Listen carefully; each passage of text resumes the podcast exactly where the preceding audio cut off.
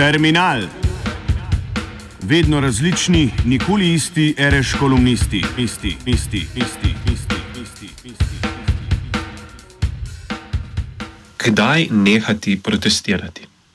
Taktika oblasti, ki so jo prejšnji teden utelešale predvsem izjave Aleša Hojsa, da protivladne proteste prikaže kot izraz radikalizirane manjšine in kot veliko nevarnost za širjenje virusa, je prozoren manever diskreditacije, osnovan na populističnih predpostavkah o zdravi večini in izrojeni manjšinski drugosti, ki najeda sicer harmonično in zdravo družbo. Glede na to, da je ta manever izredno uspešen tudi v primerih veliko abstraktnejših in umetno ustvarjenih zunanjih sovražnikov, ni čudno, da deluje tudi v situaciji, ko se zdi, da si udeleženci uličnih protestov zelo konkretno dovolijo točno tisto, čemu se morajo vsi ostali v imenu skupnega dobrega odreči, namreč druženju in nenujnim socialnim stikom. Kot je dobro znano iz nekaterih Žižkovih klasičnih izvajanj, pa je ravno to vrstno ekscesivno raz, razkazovanje užitka, ki ga gledalec dojema kot užitek drugega, ki se mu mora samo odreči, tisto, ki generira sovraštvo in netolerantnost do določenih družbenih skupin in njihovih užitkov. Kljub temu, da gre za precej klasičen populistični manever, pa ga žal ne moremo enostavno odpraviti zgolj kot priročno sredstvo za ideološko diskreditacijo. Trenutno situacijo namreč ključno zaznamuje ta naključno srečanje dveh diskurzov, strokovno-znanstvenega in politično-ideološkega, ter dejstvo, da je zamejevanje epidemije že po svoji strokovni plati imanentno antidemokratično. Zahteva namreč distanco in preprečevanje fizičnega stika, medtem ko demokracija, vsaj v svoji tradicionalni obliki, temelji prav na skupnjevanju, torej na glasnem izražanju mnen v javnem prostoru, ki ga poleg distribucije mnen in političnih izrazov zaznamuje tudi potencijalna distribucija virusa polnih kužnih kapljic. Drži sicer, da za zdaj ni nikakršnega dokaza, da bi se virus širil na petkovih protivladnih protestih, vendar pa to ne pomeni, da lahko kategorično trdimo, da je kaj takega povsem nemogoče, sploh če upoštevamo nekatere raziskave, ki poudarjajo vlogo tako imenovanih superokužb. Te so sicer pogostejše na množičnih srečanjih v zaprtih prostorih, vendar pa obstajajo tudi posamični primeri, ko so bili zaradi razrast epidemije ključni množični dogodki na odprtem. Spomnimo se le zelo glasne nogometne tekme med Atalanto in Valencijo, ki je sopogojevala prvi val epidemije v Italiji in Španiji. Težava, ki jo skušam zarisati, je sicer z perspektive večine protestov, ki trenutno globalno vznikajo, irrelevantna. Protesti zanikovalcev COVID-a, anticepivcev, des, skrajno desnih Trumpovih privržencev, norih teoretikov zarod in tudi bolj zdravorazumsko potrčevskih borcev proti maskam, so namreč protesti, ki so obenem protesti proti oblasti in proti strokovnim epidemiološkim ukrepom.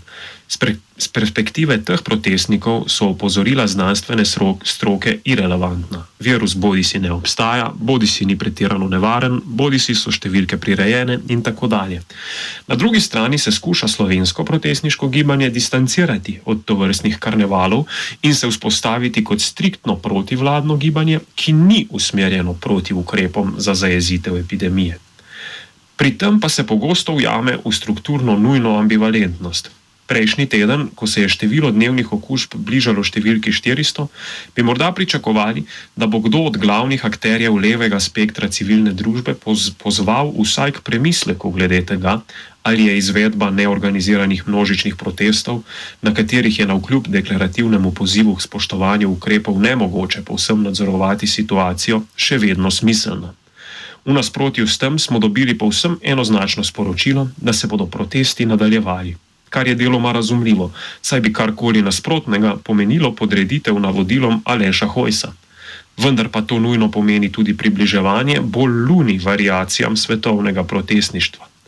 Zdi se skratka, da smo soočeni s klasično brezizhodno situacijo lose-lose, ki bi jo lahko presekala le jasna deklaracija protestniških akterjev glede tega, kdaj bodo številke, če očitno še niso, dovolj kritične za prenehanje protestov ali njihovo preselitev v virtualni prostor.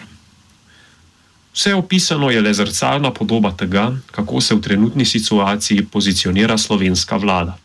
Upal bi si denimo staviti, da bi v alternativni verziji zgodovine, v kateri levo-sredinska Šarčeva vlada ne bi odstopila, SDS v času epidemije skušal iz opozicije populistično nabirati glasove tudi z zanikovanjem resnosti situacije, kritiziranjem ukrepov in simpatiziranjem z nasprotovalci mask, cepiv in tehnologije 5G.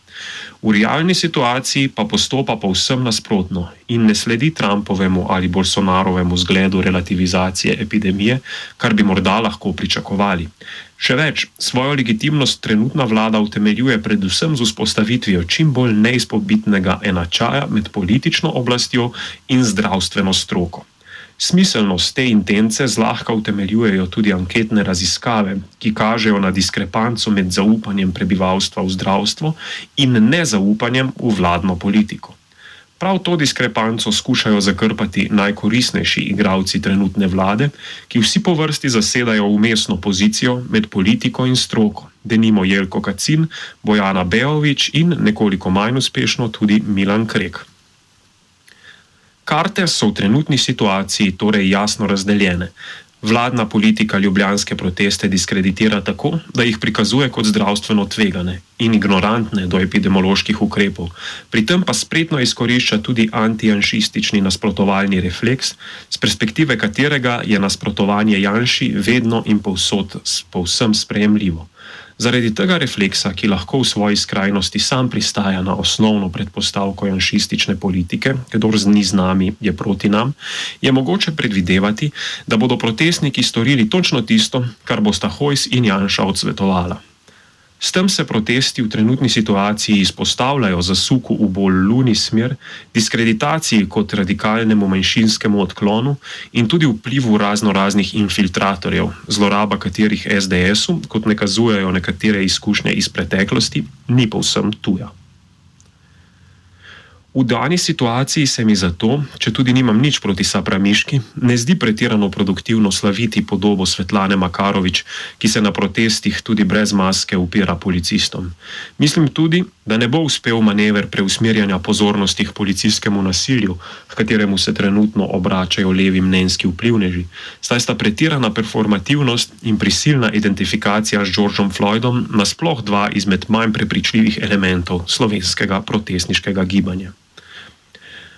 Ustrajanje pri protestiranju, ne glede na napredovanje epidemije, pa bi bilo vredno preizprašati tudi zato, ker so protesti, ki so se vse skozi deklarirali kot prvenstveno antijanšistični in niso skušali preseči dispozitivov parlamentarnega realizma, izjave glavnih akterjev glede ciljev gibanja so vedno bile nekaj v stilu: želimo padec vlade, predčasne volitve in tako dalje da so protesti pravzaprav dosegli svoj namen. Zdi se namreč, da je uspavana opozicija pod vplivom civilne družbe v pobudi koalicije ustavnega loka končno le izumila načrt za odstavitev trenutne oblasti, ki se, upoštevajoč trenutno situacijo v Desusu, zdi sorazmerno realističen in izvedljiv.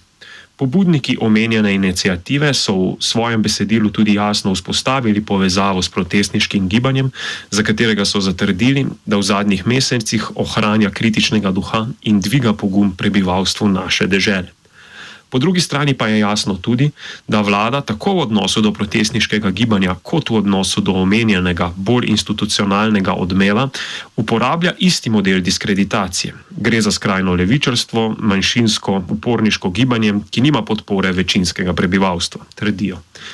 Uspešna diskreditacija protestov, do katere bi lahko privedlo potencijalno širjenje virusa ali kakšen drug škandal z negativno javno podobo, je pomembna zato, ker implicira tudi uspešno diskreditacijo omenjenega gibanja in celotne parlamentarne opozicije.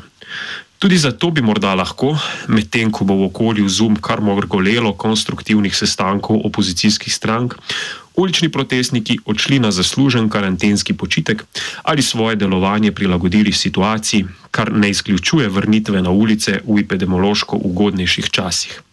Ta počitek ne bi bil nujno utemeljen na uboganju Aleša Hojsa, temveč na lastni avtonomni presoji glede resnosti situacije. Zmožnost to vrstnega razmisleka predstavlja boljši performativ distanciranja od janšizma kot zgolj reprodukcija predvidljivih antijanšističnih reakcij. Tokratni terminal sem pripravil Jernej Kaluža.